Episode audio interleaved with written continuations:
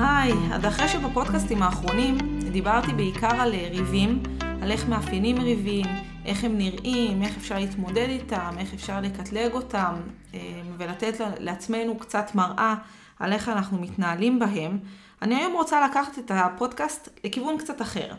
אני רוצה לעסוק במשהו שבונה את הקשר, מאוד מאוד בונה את הקשר, ולכן הפודקאסט הזה הוא רלוונטי לכולכם. בין אם אתם אה, בזוגיות במקום מאוד מאוד טוב, ובין אם אתם בזוגיות במקום מאוד מאתגר, ההתעסקות הזאת בבנייה היא מאוד מאוד חשובה. כי לבנות כשקשה זה מאוד קריטי להמשך היחסים, ולבנות שמדהים זה מאוד קריטי לשמר ולעלות עוד ועוד ועוד, שזאת המטרה של כולנו, שיהיה לנו כמה שיותר טוב בזוגיות שלנו, ולכן זה משהו מאוד משמעותי שמדבר לכל אחד שיש לו זוגיות. ולפני שאני מתחילה, אני רוצה אמ, שתחשבו מה הקשר בין ספק ויצר הרע לבין דייט שבועי. למה החלטתי לחבר בין שני הדברים האלה של לא בטוח ש... שיש ביניהם קשר מאוד מאוד מובהק.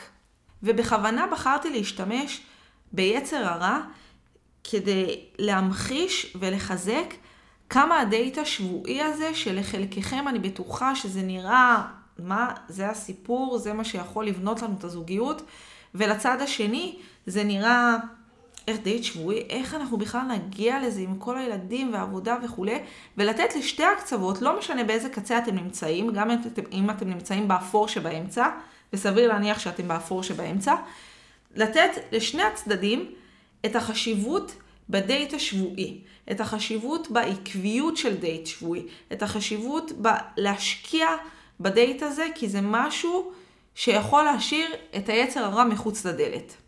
איך? בואו נתחיל לדבר על זה. אני רוצה שתחשבו רגע על התקופה בה הייתם רווקים. לפני שהתחתנתם, לפני שנכנסתם לחיי משפחה, נולדו ילדים, השגרה הייתה מאוד אה, עמוסה ו- ו- ושוחקת. אני רוצה שתחשבו רגע על התקופה הזאת, שברובה הייתה מבוססת על דייטים. אתם יצאתם לדייטים בלי הפסקה. זה משהו שהיה כל כך משמעותי וכל כך עמוק, שדרך הדייטים האלה אתם החלטתם למסד את הקשר ולבנות משפחה. זה אומר שהדייטים זאת אבן דרך כל כך משמעותית בזוגיות שלכם. ומעבר להוכחה שעל סמך הדייטים האלה אתם בניתם את המשפחה והחלטתם עם מי אתם רוצים להמשיך לחיות בעזרת השם את כל חייכם, תחשבו על הדייטים שהיו לכם בתחילת הדרך. אני רוצה שלרגע תיזכרו בהם. ולמה אני רוצה שתיזכרו בהם? כי סביר להניח שברגע שתח... שתחשבו על הדייטים שלכם, יעלה בכם חיוך. יעלה בכם חיוך על החוויות שחוויתם, על הדייטים ההזויים שהיו לכם, על שיחות העומק שיצא לכם לעשות על איזה ספסל נטוש באמצע הלילה, או על הסרט ההזוי שראיתם עם בן אדם שנקלע לסיטואציה בקולנוע. זאת אומרת, החל משיחות עומק מאוד מאוד משמעותיות שהיו לכם בתחילת הדרך, ועד לבדיחות פנימיות בדייטים הזויים שהיו לכם, כי לכולנו היו כאלה, יש משהו שהוא מאוד מחבר. אתם מסתכלים על תקופת הדייטים בחיוך, וזה לא כי פתאום נכנסו הילדים ופתאום נכנסה השגרה ופתאום... זה לא זה. זה הרבה יותר קשה לנו להגיע לדייטים האלה. הרבה יותר קשה לנו לאלץ את עצמנו במרכאות להגיע לחיבור כזה מחדש. הרי כשהיינו בתקופת הדייטים שלנו, לא הייתה לנו ברירה. לא הייתה לנו אלטרנטיבה, היינו צריכים לנסוע אחד לשני אחרי עבודה, ואם הייתם גרים בערים רחוקות, אתם מבינים את המשמעות של הדבר הזה, לנסוע אחרי עבודה כדי להיפגש, כמה הקרבה זה, זה נותן, וכמה הקרבה אני צריכה להשקיע אה, בשביל לעשות את זה. ומגיעים בעייפות, ומגיעים כשיש חשק ואין חשק, ויש איזושהי השקעה והתכנסות לתוך הדבר הזה שהוא מאוד משמעותי, הוא מאוד מחבר. ולא הייתה לנו ברירה לעשות את זה, ועשינו את זה גם אם קשה לנו וגם אם לא קשה לנו, אפילו כמה פעמים בשבוע, כדי למצוא את הזמן להיפגש עם הבן אדם שאני הכי רוצה לראות, כדי לדבר עם הבן אדם שאני הכי רוצה לשמוע, כדי להקשיב לבן אדם שהכי טוב לי איתו, כדי לחוות אה, עם הבן אדם שהכי כיף לי בחברתו. זה לא שפתאום הזמנים השתנו והעולם השתנה. לא, זה פשוט, אנחנו לאט לאט, ככל שהשגרה מכרסמת יותר פנימה, הדייטים שלנו זזים לאט לאט החוצה. כי הרבה יותר קל לנו להזיז דייטים הצידה, כי מה זה משנה, אנחנו כבר גרים באותו בית, אנחנו כבר אה, מנהלים חיי משפחה, יש לנו כבר עבודה מאוד מאוד שוחקת. הדייטים זה הדבר הראשון שיזוז הצידה. ואני רוצה רגע להגיד לכם, הלו, רגע, שנייה, לפני שאתם מזיזים את הדבר הזה, בואו נזכר כמה הדבר הזה משמעותי. בואו נזכר כמה הוא נתן לכם בתחילת הדרך. ככה הצלחתם להכיר אחד את השני, להתחבר אחד לשני, ברמה כל כך עמוקה ומשמעותית, שהחלטתם לבסס את החיים שלכם ואת מערכת היחסים שלכם על סמך הדייטים האלה. אז לפני שאנחנו ממהרים להזיז אותם הצידה, בואו רגע נבין את החשיבות שלהם. זה סופר חשוב. ובמיוחד בתקופות שהשגרה היא כל כך מכרסמת, והילדים שואבים מאיתנו כל כך הרבה, והעבודה שואבת מאיתנו כל כך הרבה, שלהיפגש עם בן הזוג שלי זה נחשב בגדר חלום רחוק, או אפילו סיוט רחוק אצל חלק מהזוגות שנמצאים בתקופה לא טובה, זה מאוד משמעותי להחזיר את זה. פתאום לראות אחד את השני באור אחר. פתאום לראות אחד את השני אחרי הרבה זמן שלא ראינו אחד את השני בצורה כזאת. לדבר שזה רק אנחנו, על נושאים שהם לא קשורים למטלות ותפעול ותחזוקה שוטפת. על נושאים באמת עמוקים, דברים שמעניינים אותי, דברים שמרגשים אותי, דברים שאני חוששת מהם, על דברים שאני חולמת עליהם. יש איזשהו חיבור מיוחד שנמצא רק בזמן זוגי. והזמן הזוגי הזה זה הראשון שאנחנו משמיטים, וחבל.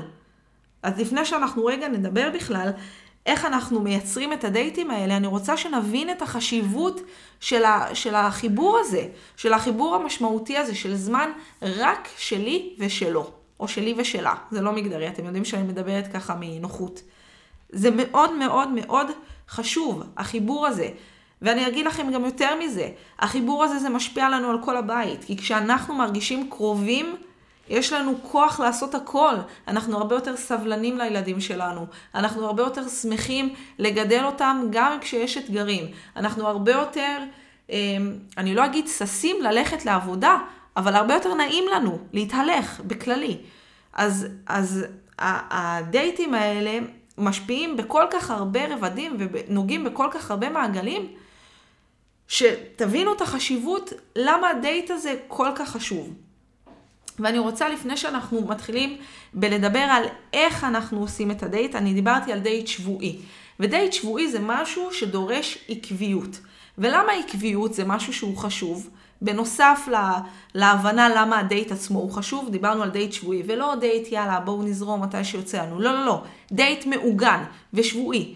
ולמה עקביות חשובה? כי העקביות היא מחייבת. כי העקביות מובילה להצלחות. כי עקביות זה משהו שעושים פעם אחרי פעם אחרי פעם, שנותן לנו את הכוח ואת המסוגלות להצליח. ומה הקשר?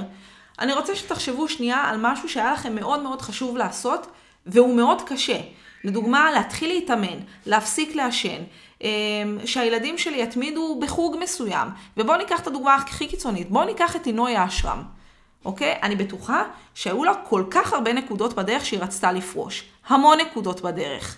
אבל היא לא פרשה, והיא יצאה לאימונים גם כשהיא זכתה במדליות זהב והייתה לה את המוטיבציה, את המוטיבציה הכי גבוהה, וגם כשהיא הייתה פצועה, וגם כשהיא הבינה שהכיתה שלה יוצאת לטיול שנתי והיא לא יוצאת, כי היא ממשיכה להתאמן, והעקביות הזאת להתאמן יום אחרי יום, והסזיפיות הזאת של עוד פעם ועוד פעם ועוד פעם, מובילה להצלחה.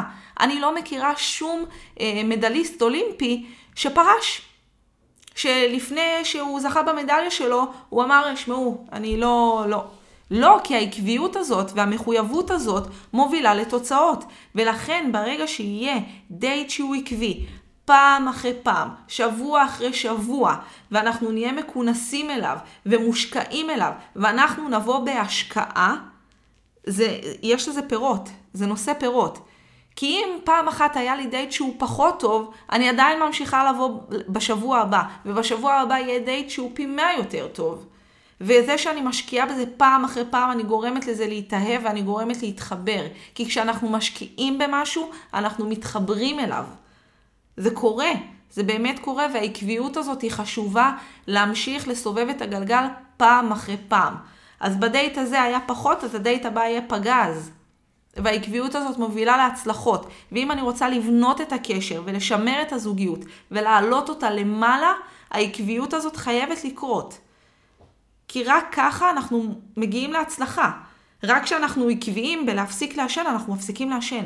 רק כשאנחנו עקביים בלצאת להתאמן גם כשיש לי כוח וגם כשאין לי כוח, אני אגיע לתוצאה שאני רוצה.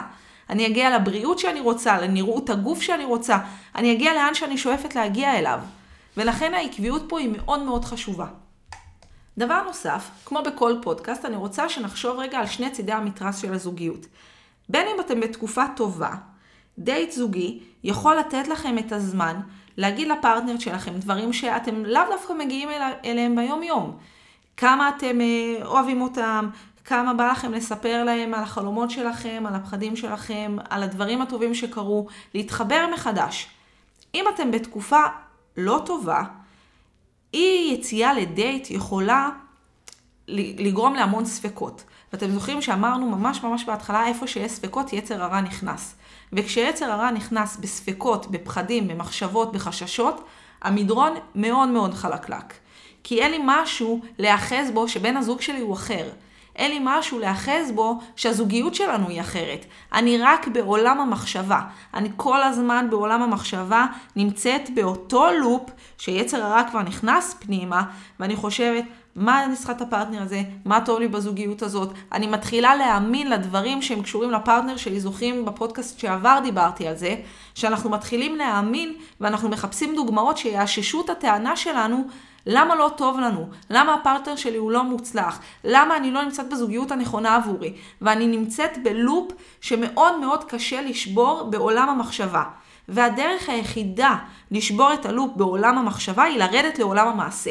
לעשות משהו.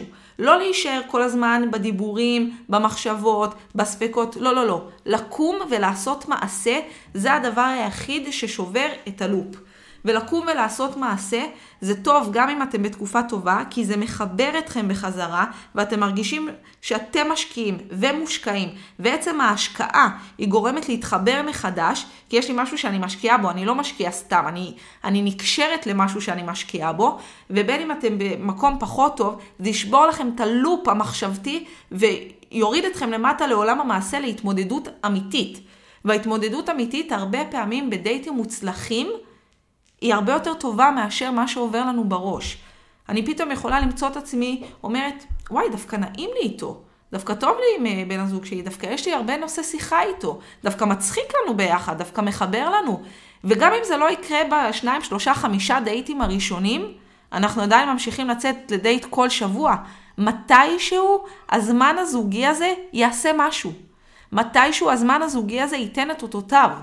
אז אל תרימו ידיים אם הדייט הראשון שלכם היה לא מה שציפיתם וזה לא היה דייט מהאגדות שסחף אתכם מהרגליים. אולי הוא כן, אבל גם אם לא, שבוע אחרי שבוע, פעם אחרי פעם, זה יוביל לתוצאות. מתישהו מדליית הזהב תגיע גם אליכם הביתה. אז איך עושים את זה? אספתי חמישה טיפים שיכולים לעזור לכם, שיגרמו לכם להיות צעד קדימה מהיצר הרע הזה, שיגרמו לכם, לכם להיות יותר חכמים ולהתחבר מחדש ולהיטען מחדש בתוך הזוגיות הזאת. הדבר הראשון זה שהדייט הוא מעוגן ביומן.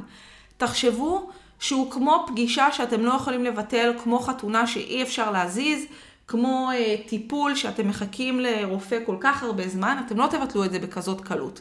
סביר להניח שלא תבטלו את זה בכלל, בטח שלא בכזאת קלות. ככה גם הדייט, הוא מעוגן ביומן, הוא כתוב לכם, אתם מלכתחילה בוחרים לכם את הזמן, זה יכול להיות אה, אותו דבר כל שבוע, כאילו מסגרת שבועית כל הזמן, או בתחילת שבוע אתם קובעים כל שבוע מחדש מתי זה קורה. אני ממליצה את האופציה הראשונה, שזה מעוגן לכם פשוט כל שבוע מראש, כי אם אתם תתחילו להתעסק במתי מתאים לך, מתי מתאים לך, זה לאט לאט יתמסמס. ולכן חשוב שזה יהיה מעוגן מלכתחילה כל יום שלישי בשעה כך וכך, לא יודעת, אתם תחליטו. אנחנו נפגשים לדייט, והדייט הזה הוא חסין ביטולים. אנחנו לא מבטלים אותו כמעט לא משנה מה. אוקיי? אני בכוונה אומרת כמעט, כי אם מישהו שבר רגל, אז באסה, אז תעשו את הדייט במיון. אבל הדייט הזה הוא חסין ביטולים. אתם לא מבטלים אותו בכזאת קלות, כי ברגע, בפעם הראשונה שזה יקרה, שפעם אחת אתם מזיזים את הדייט, פעם אחת ביטלתם את הדייט, פעם אחת מישהו לא יכול, זהו, זה מתחיל להתמסמס. זוכרים שכדי להגיע למדליה צריך עקביות? עקביות.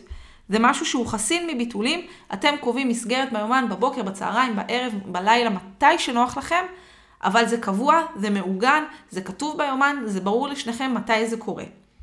הדבר השני, זה שיש מארגן לדייט, וכל שבוע הוא משתנה.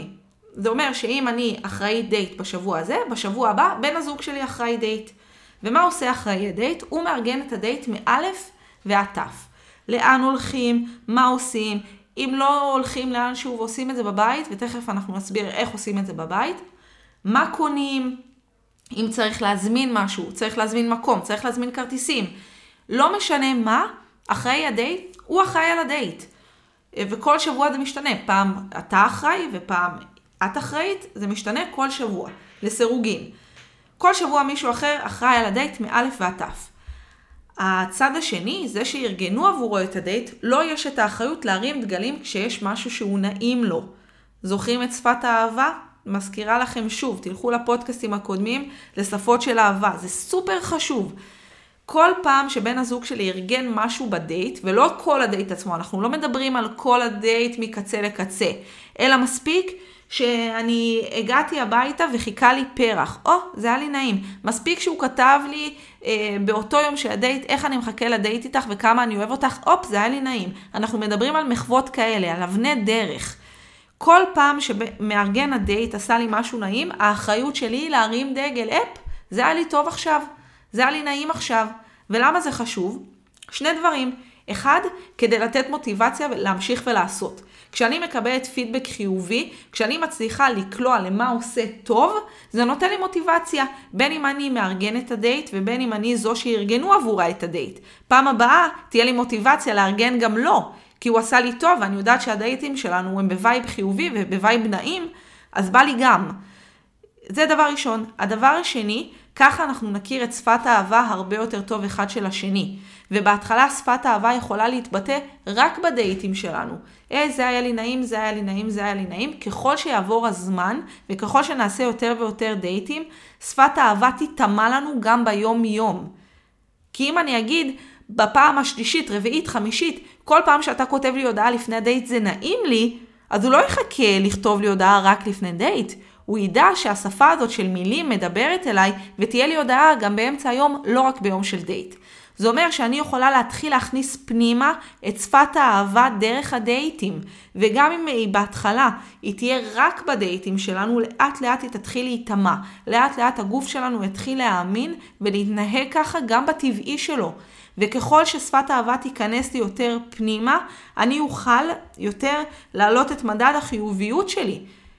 וככל שמדד החיוביות שלי יעלה, אתם זוכרים כבר מה קורה, נכון? הניבוי הצלחה לזוגיות שלנו עולה גם הוא. שווה מאוד. הדבר השלישי שצריך לקרות, זה הדייט חייב להיות שונה מההתנהלות בשאר הימים. מה זה אומר? אם אני לא מצליחה לראות סרטים במהלך השבוע, אנחנו לא מצליחים להגיע לזה, לא משנה מה קורה, דייט יכול להיות סרט בבית. זה בסדר גמור לא לצאת כל שבוע למסעדות ולאטרקציות ולהזמין בייביסיטר ולעשות את הכל מאוד מורכב. אה, בין אם זה יכולת כלכלית ובין אם זה ילדים קטנים ובין אם זה... זה בסדר גמור שלא כל שבוע תצאו, צריך את זה גם, אבל לא חייב. ממש ממש לא חייב. מה שכן חייב זה שהדייט הזה יהיה משהו שהוא שובר שגרה. אם אנחנו לא שותים יין במרפסת, אז בדייט שלנו אנחנו נשתה יין במרפסת. אם אנחנו לא מבשלים בבית ואנחנו רק אוכלים אוכל שהוא טייק אווי, אז בדייט שלנו אנחנו יכולים לבשל משהו ביחד בבית.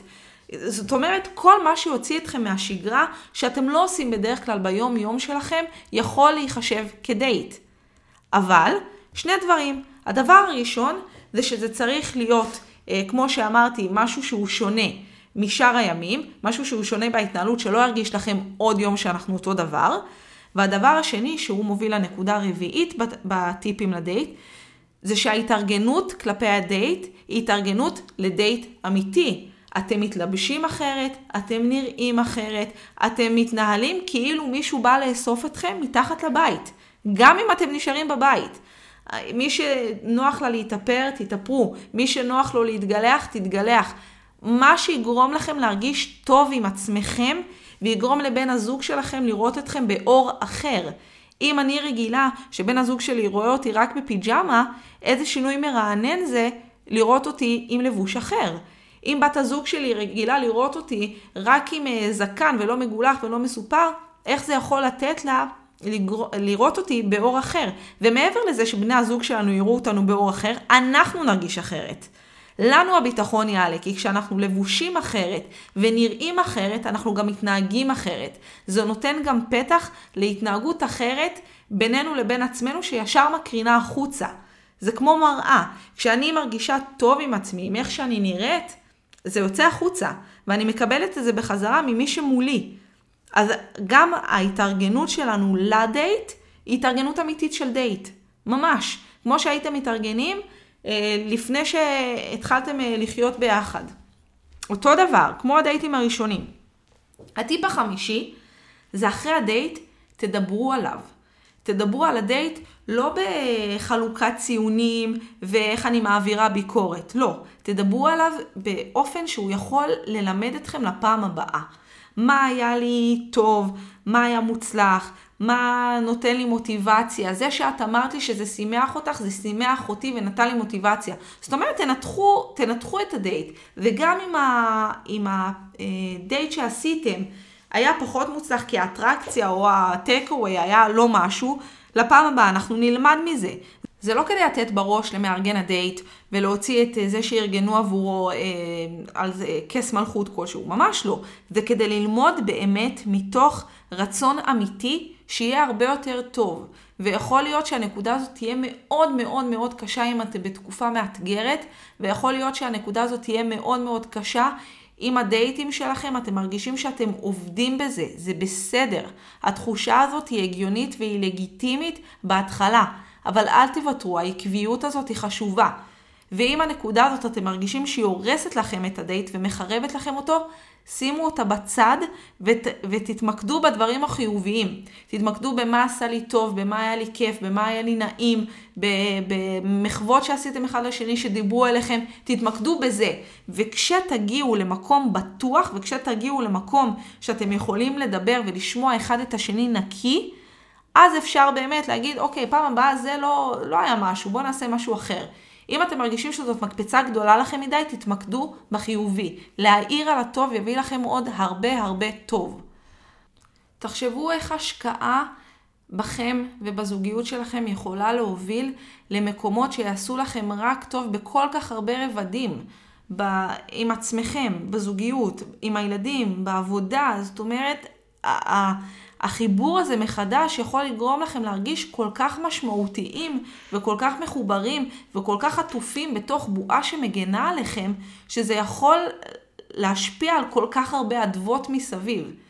וזה משהו שהוא מאוד משמעותי בבנייה. זה משהו שהוא קטן, אבל יכול להיות המון. ולכן גם אם אתם במקום של, מה, דייט? זה מה שזה יעשה? כן. זה מה שזה יעשה, כי זה יכניס לכם הביתה את החיבור מחדש, זה יכניס לכם הביתה את שפות האהבה, זה יכניס לכם הביתה את הזיכרון, למה התאהבתי בבן הזוג שלי מלכתחילה? כמה הוא איש שיחה, כמה הוא אדם מצחיק, כמה כיף לי להיות בחברתו. ובין אם אתם אומרים, דייט, וואו, איך אני מגיעה עכשיו לדייט? תנסו למצוא את הזמן להשקיע גם אם זה בתוך הבית. אפשרי לעשות גם דייטים בתוך הבית. האימפקט של זה יכול להיות אותו אימפקט אם עושים את זה נכון. ודיברנו מקודם על איך עושים את זה נכון. וכן, זה יכול להשפיע כל כך הרבה. כי במקום שיש אהבה, יש שמחה. ובמקום שיש שמחה, אין ספקות. ובמקום שאין ספקות, יצר הרע לא נכנס. וכשיצר הרע לא נכנס, אפשר להתחבר ולאהוב מחדש. תנסו, מקסימום, Erro.